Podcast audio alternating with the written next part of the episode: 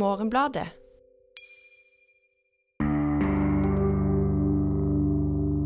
Det var jo et helt uh, usedvanlig år, 2021, uh, for norsk film. Uh, jeg hadde en serie på fire anmeldelser etter hverandre, tror jeg, uh, hvor jeg var positiv til alle sammen. Og det har jeg aldri gjort før med norsk film. Så. Hallo, og velkommen til en ny episode av Morgenbladets film- og TV-podkast. Mitt navn er Elise Dybvig, jeg er kulturjournalist i avisen. Og sitter i podkaststudioet alene, men har eh, filmkritiker Ulrik Eriksen med meg eh, live fra Tromsø internasjonale filmfestival. Hallo, Ulrik. Aksel Kielland er dessverre syk med korona, som eh, kulturministeren og flere tusen andre for tiden. Så da blir det meg i Oslo og Ulrik i Tromsø. Um, nå er jeg jo veldig misunnelig, klart, fordi jeg tror ikke jeg har vært på en filmfestival på år og dag. Jeg tror faktisk eh, jeg ikke husker sist jeg var på en filmfestival. Um, Ulrik, hvordan er det? Ja, jeg har heller ikke vært på festival på veldig, veldig lenge. Det er vel to år siden sist, da. Så eh, nærmest. Eh, men det er eh, Det føles veldig privilegert, ja, å være her. Eh, Uh, litt trist også, på en måte. Altså, det er en blanding. Både veldig gøy å være på festival igjen og se film, uh, men så er det jo uh, Setter jo pandemien preg på festivalen, dessverre. Den, det er færre mennesker i salene, det må det jo være. Og det er jo ikke den folkefesten som Tromsø filmfestival pleier å være. da. Det er jo en festival som pleier å sette byen helt på hodet. Og sånn er det jo ikke helt i år, dessverre. Så litt, litt færre folk og ja, det, det litt mindre liksom, festivalstemning. Litt mindre festivalstemning. Er, Restauranter og barer pleier å være helt stappa fulle. Folk pleier å ta fri fra jobb for å gå og se masse film. De tingene der er jo ikke der i år, dessverre. Så det, det er noe litt sånn litt stusslig med det, samtidig som det er fantastisk å kunne være sette seg ned i en kinosal og bare se masse film igjen. Det er eh, eh, Jeg har i hvert fall bygget opp en, en, stor entusiasme på vegne av filmseing på festival. Det kan jeg si. Veldig bra. For i denne episoden så skal vi ikke snakke om en spesifikk film eller et verk, men vi skal zoome litt ut og prøve å se på noen tendenser i bransje og blant de eh, filmene som nå kom kommer denne våren. For det har jo vært liksom det er tre, tre, slags ting som har skjedd samtidig i forrige uke. Du har uh, NFI, uh, Norsk Filminstitutt, som uh, da i forrige uke presenterte det så Det de vet allerede nå, kommer på kino av norske filmer, som da er seks spillefilmer og to dokumentarer. Og samtidig så endra jo regjeringen på de koronatiltakene som har gjort den siste tiden at de, du kan makse 50 stykker til sammen i en kinosal. Og så har jo nå eh, Tromsø internasjonale filmfestival åpna. Du er der fysisk. Jeg har prøvd meg på det digitale programmet. Så nå skal vi prøve da å se litt på hva både festivalen byr på, hva er det som vil prege våren. Og det jeg faktisk syns blir mer og mer spennende, at hvordan da gjeldende filmpolitikk og de pandemirestriksjonene som til enhver tid finnes, hva de gjør med hva som kommer, når det kommer, og hvor det i det hele tatt kommer. Så det som er jo litt sånn spennende med Tromsø eh, sin filmfestival, er jo at det var litt dramatikk knytta til den filmen som skulle åpne festivalen. Eh, kan du si litt om det, Ulrik? Ja, det her er veldig spesielt. Jeg har aldri vært borti det, bortsett fra når Kina har trukket noen film fra Cannes. Men eh, altså, distributøren og produsenten trakk altså eh, åpningsfilmen, som skulle være 'Utvandrerne'.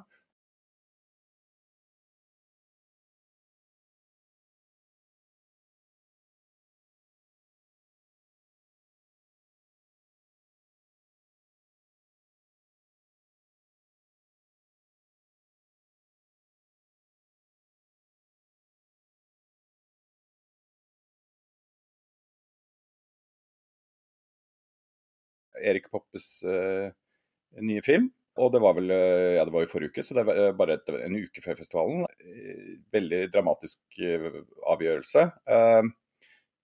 jeg kan jo skjønne produsenten og distributøren, fordi de har jo utsatt premieren til etter sommeren. og Da blir det veldig lang tid mellom festivalpremiere og kinopremiere. Men, men festivalen, at festivalen på en måte aksepterte det, det tenker jeg er rart. At de, at de på en måte tilsynelatende ble enige om at det var en lur løsning. For, for, for Tromsøs del så var det jo det katastrofalt. Både for presse, alt mulig oppmerksomhet rundt festivalen en stor norsk premiere er kjempeviktig for uh, norske festivaler. Så det uh, var nok uh, veldig, veldig synd for festivalen. sikkert smart av distributøren. Men for festivalens del så det, har det på en måte vært et stort minus, det kan man si. Så for da når denne utvandreren da ikke blir åpningsfilm, eller ble åpningsfilm, så kommer denne filmen av Human Position inn i stedet. Som er regissør Anders Emblem sin film. Sin nye film. Og den Og det slår meg jo Nå har jeg jo bare sett av Human Position, men uh, Utvandrerne og den andre Det virker jo også som to totalt veldig forskjellige filmer. Ja, det kan vel ikke måte være lenger fra hverandre, både i filmspråk og uttrykk og tematikk og budsjett, vil jeg tro også, da. Så, men det er jo på en måte bare Den ja. utvandreren Jeg har jo ikke engang sett uh, den originale filmen, men jeg vet jo at det, det, det er vel stort, sånn, stort budsjett, historisk, eh, flott på alle mulige måter, og så denne litt mer neddempa, stille uh, filmen satt til Ålesund. Så ja, to, ja. Ja, to forskjellige ting. Veldig forskjellig, og jeg så faktisk Jeg rakk å se en trailer, jeg vet ikke om de har, de har vel ikke sluppet den uh, digitalt, men jeg så den på kino uh, av Utvandrerne. Og, og, det er jo sånn, det er veldig sånn storslått og uh, musikk og, og, mye omtanke i de historiske detaljene og, og sånne ting. og produsert og tatt opp i og skal på en måte illudere et amerikansk miljø og alt mulig. Så det, Mens lille Ålesund har fått sin en av sine første filmer, vil, vil jeg tro. I hvert fall norske filmer. Eh, det fortjener jo Ålesund. For det er det noe eh, den eh, Human Position klarer å vise, så er det jo hvor fantastisk vakker Ålesund er. og hvor skjønn den er sånn arkitektonisk, da.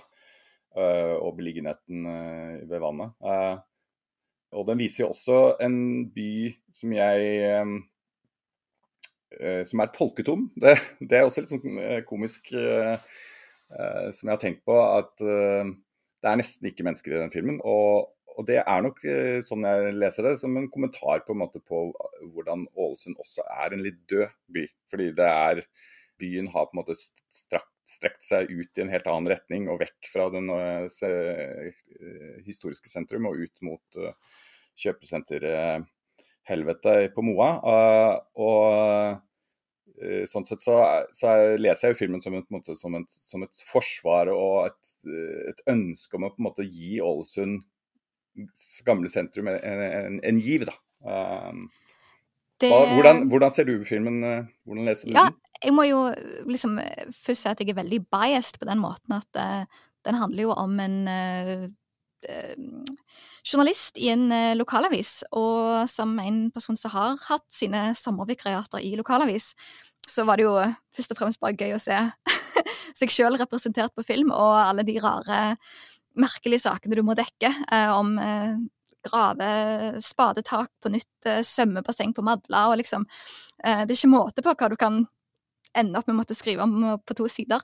Men, men jeg vil si at etter, etter så Jeg vet ikke om det er noe som pandemien har gjort med mye av det som jeg ser særlig på strømmetjenester, at det så det går så raskt, og det er så spektakulært, og det er liksom enten Tiger King eller det er noe som virkelig skal, skal rive deg med på alle mulige måter, så var det veldig fint å se en veldig stille film, um, som på en måte ikke ligger helt øverst på følelsesregisteret og av effekter, um, men bare det å kunne ja, kunne se noe som gikk langsomt.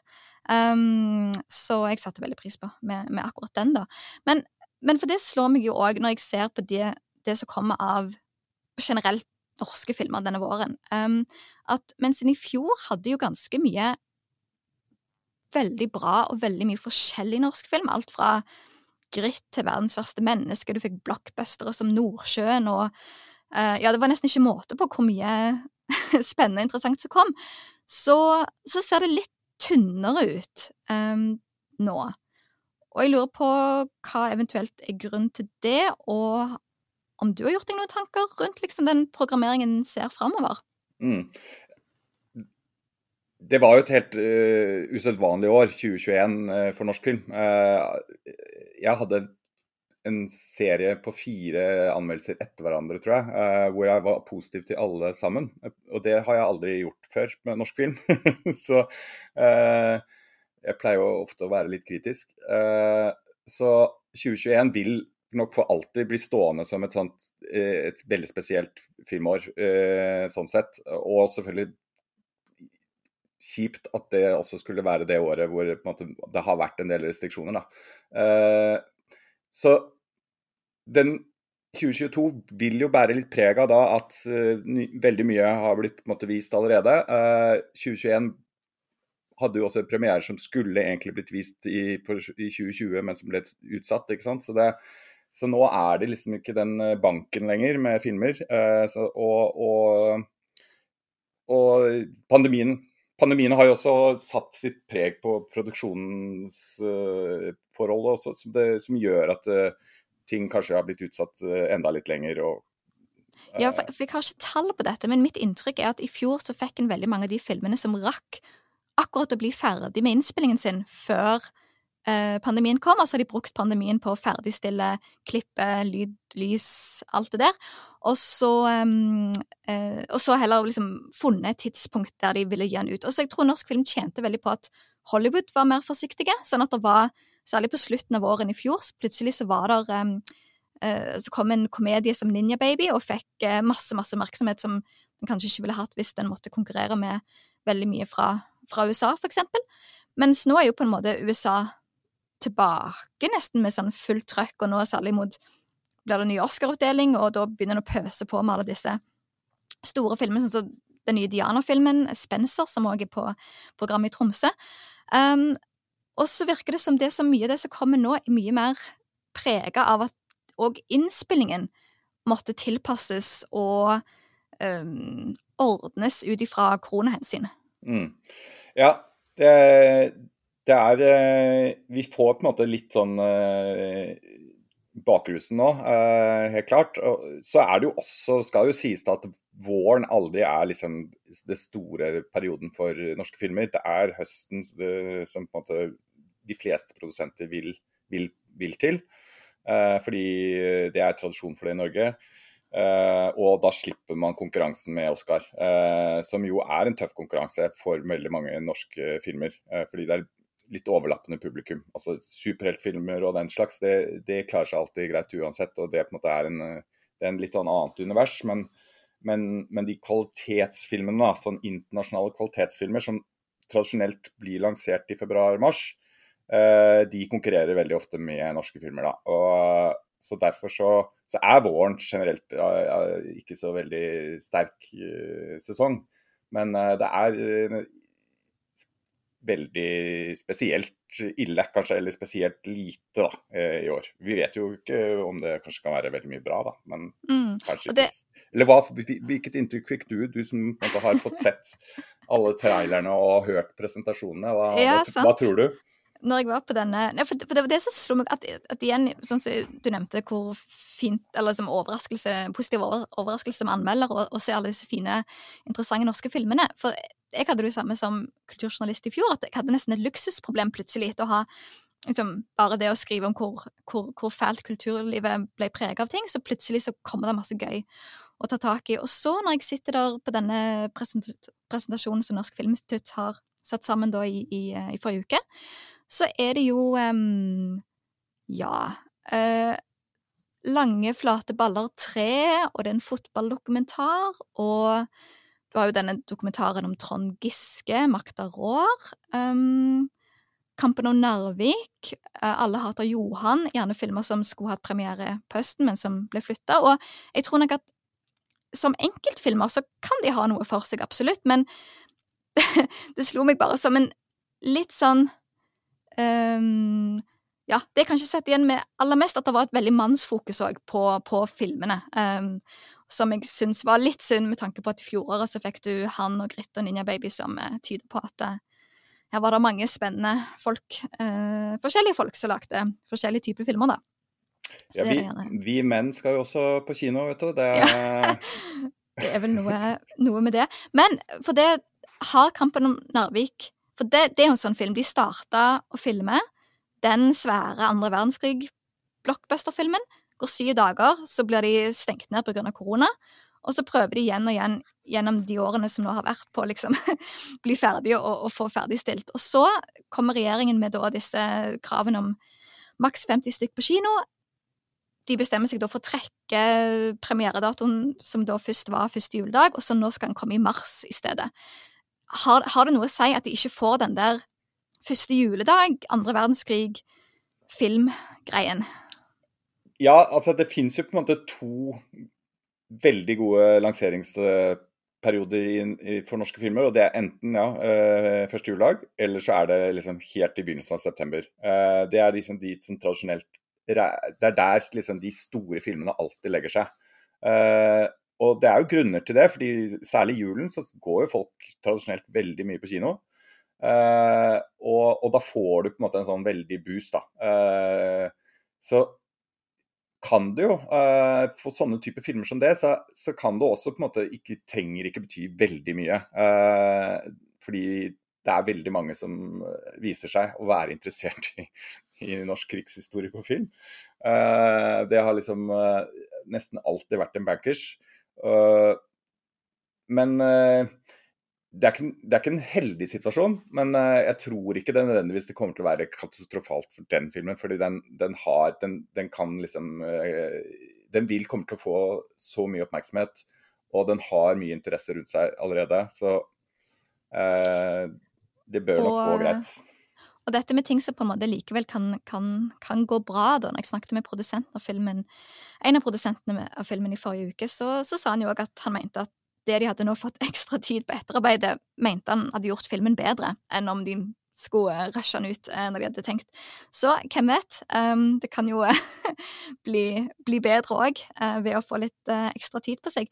Men for det er jo en ting at ok, hvis, hvis pandemien fører til noen sånne praktiske begrensninger på innspilling, på når du har premiere på filmen din, osv., så, så har jeg liksom hele tiden prøvd å sett etter spor av pandemien i selve innholdet, men der tror jeg at um, en kanskje må vente enda litt lenger. Eller hva er ditt ja. inntrykk av det? Ja, eh, generelt så, så, virker det som filmskaperne er veldig opptatt av å på en måte maskere vekk eh, pandemien mest mulig. Altså lage universer som på en måte ikke har Hvor, hvor pandemi ikke er no, et fenomen som eksisterer i det hele tatt. At det på en måte det er en helt vanlig normal, som det alltid har vært. Eh, og, uh, og munnbindet praktiseres ikke, og, og, man spriter ikke hender og sånne ting i, noe særlig stor grad. Det fins noen unntak. Uh, jeg så bl.a. Uh, en film som jeg skriver om denne uken, som går på festivalen, som er en av de bedre her.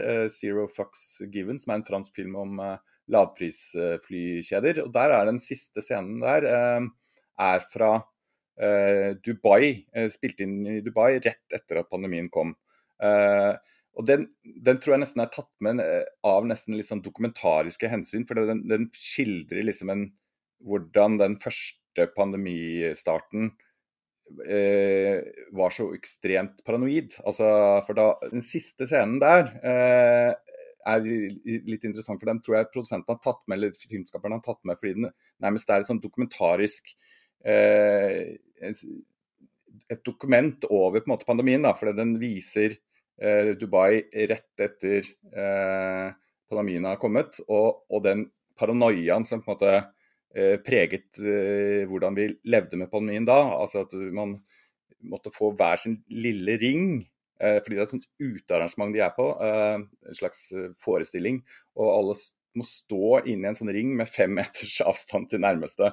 Og det, så, sånne ting kan nok hende dukke litt opp. altså De mer absurde tingene rundt pandemien f.eks.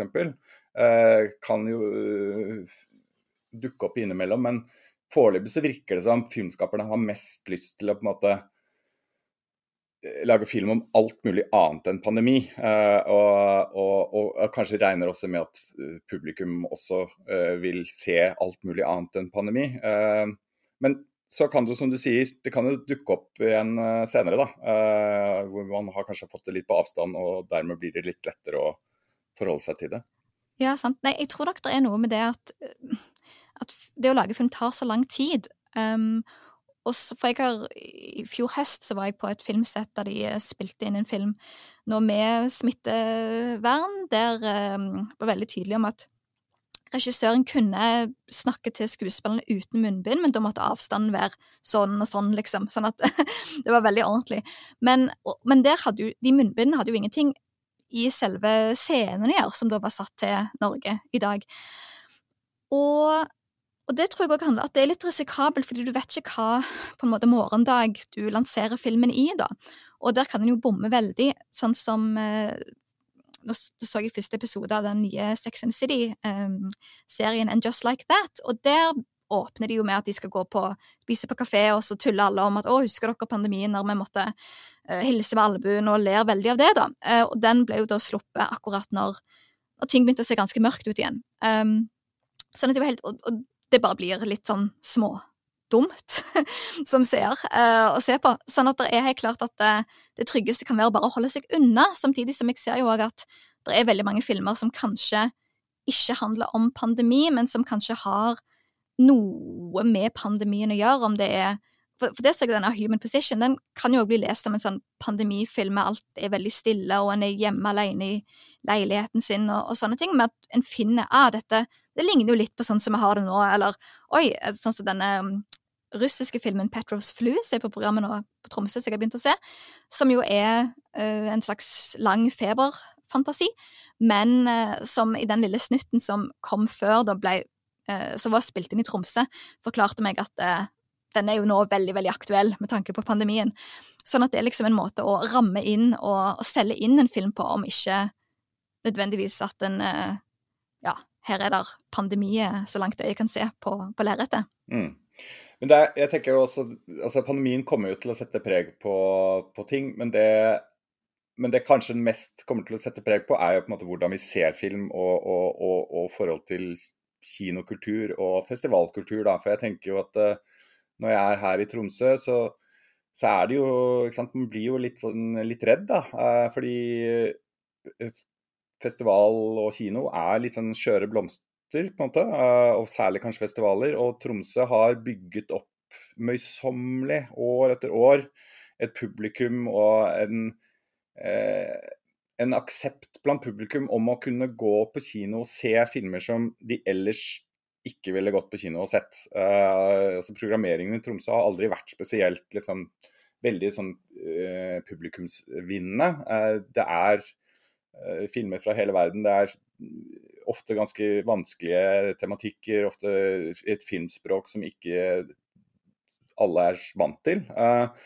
Og, og det er den forventningen og den vanen som ligger i det blant Tromsø-publikummet, den er jo sånn bygget opp også ved det at det på en måte er noe som skjer hvert år. Uh, og, og da, da, måte etablerer seg sånne tradisjoner som at folk tar seg fri da, fra jobb for å gå og se film. og på en måte Festivalen blir en egen greie. Og det er litt skummelt når det da nå blir eh, tre år mellom de, antageligvis da, mellom to festivaler som er helt normale. Så, så blir det et brudd der da, eh, som, som, kan være litt problematisk. Så, og noe av det samme ser vi vel også med, med kinokulturen. at, at det, eh, det, det, er en fare for at liksom, ja, ting blir raskere verre da, enn det det ellers uh, ville Ja, for det er jo liksom spørsmålet. Hvor, hvor, lang tid tar det for vaner og opplegg å endre seg, da? Um, og det er jo helt klart at mange påpekte allerede før Jeg tror, ja, før pandemien så kunne en lese sånne svære saker i amerikansk presse om eh, filmens død og kinofilmens død, og at nå var det bare strømmetjenestene som eh, hadde grunner til å rope hurra, og så kom pandemien, og kinoene fikk det verre, og strømmetjenestene fikk det bedre. Og da er jo noe som jeg har tenkt litt ekstra på nå med de siste månedene, eller månedene. Det vil kanskje ta litt lang tid. Men eh, 15. desember var det vel dette kinoene måtte forholde seg til at eh, dere kan ikke inn mer enn 50 stykk, som jo ble endra på i forrige uke. Nå er det 200 de kan eh, ta inn. Men, men, liksom hva sånne ting over tid da gjør med um, Ja, gjør med folks vaner. Um, for helt, helt, i starten av pandemien så snakket jeg med en teatersjef, og han sa at eh, Og dette var sånn én uke etter alt hadde stengt ned. og så sa han at nei, når dette er over, så kommer folk til å løpe ut i gatene og løpe til teatrene. Og det var jo en veldig fin, et fint bilde, men så tenkte jeg sånn åh, så grusomt naivt. Um, eller jeg skjønner at en har et behov for å si det, men en, jeg føler litt òg at uh, hvis folk først venner seg til at uh, alt er tilgjengelig på nett, så er det der vi går og ser ting. Ja, det har nok jeg tenker at det har bygget seg opp et liksom opparbeidet seg et, et oppdemmet kinobehov. Uh, og du så det delvis i høst også, at det var jo en del filmer som gikk veldig veldig bra da. Uh, uh, og så, så, kinoen vil jo på en måte kunne få også en boost når man nå igjen får åpnet opp mest mulig. men det er det er, sånn, det er en skjør blomst, det er, og det var ikke veldig bra før pandemien heller. Det har jo vært en nedadgående trend, og strømmetjenesten har fått en sånn boost som de aldri kunne drømt om. Uh, og det endrer jo måten vi tenker på uh, hva, hva, film skal være, og det endrer måten vi ser film på. Uh, det er en liten sånn scene i Bergman Island som blir vist her, som vi skal snakke om i, i neste uke. men hvor eh, dette paret som er i hovedrollene, de er på Fårö og eh, er på et sånt skriveopphold der. Og da er en del av det med å være der, er at du får tilgang til Bergmanns Bergmans private kino og hans 35 mm-kopier. og så må de stå der, så står de der og skal velge film. Og så er de liksom Og da har de en sånn Netflix-måte å tenke på. Altså at de, de, tenker liksom Ja, nå er jeg i det humøret, jeg er ikke så klar for Jeg vil liksom ikke at det skal ikke være for depressivt, eller det må være noe litt sånn hyggelig eller noe morsomt. ikke sant? Og så står de der og Mens uh, kinomaskinisten liksom tripper og venter på at de ja, kan dere ikke bestemme dere? Så det er den, der, den måten å tenke på eh, filmvalg på, da, eh, den har jo måte, som, som, Netflix representerer, den, den har fått en ekstra boost i løpet av pandemien og kommer nok til å prege liksom, hvordan vi, vi, ser på film eh, i enda større grad enn tidligere. Mm. Ja, for det er en tendens som nok sikkert har, eller for min egen del òg, forsterka seg. Eh, som nevnte vi her, her er de på denne Ingmar Bergman-øyen og, og både nitpikker litt eh, hva, hva, humør de er i, og som er jo veldig preger rundt den at jeg vil ha noe som tilpassa meg der jeg er akkurat her og nå, framfor Og det er det jeg opplever som er gøy med en festival, er at en ender opp med å se ting en aldri hadde kommet på å se sjøl, men som en er veldig glad for at en fikk sett, selv om en ikke var i akkurat det humøret eh, når en gikk inn. Um, men, men, jeg bare tenker sånn, som filmkritiker, dette, dette fem, maks 50 stykker i en kinosal, um, kravet som kinoene måtte forholde seg til nå i, over julen, kan kan en si noe om hvor om det var noe poeng i det, eller liksom Går det an å være kritisk til en sånn beslutning? Det kan jo være ekstremt kritisk til en sånn beslutning. og Du skrev vel litt om det i forrige uke også. altså at uh, Det finnes jo antageligvis ingen uh, smittevernfaglig begrunnelse for det, annet enn uh, det som ble nevnt, at det på en måte skaper press. At det skaper større mobilitet i samfunnet. Da. Altså det er en del av en sånn, veldig mange ting som Eh, begrenser mobiliteten.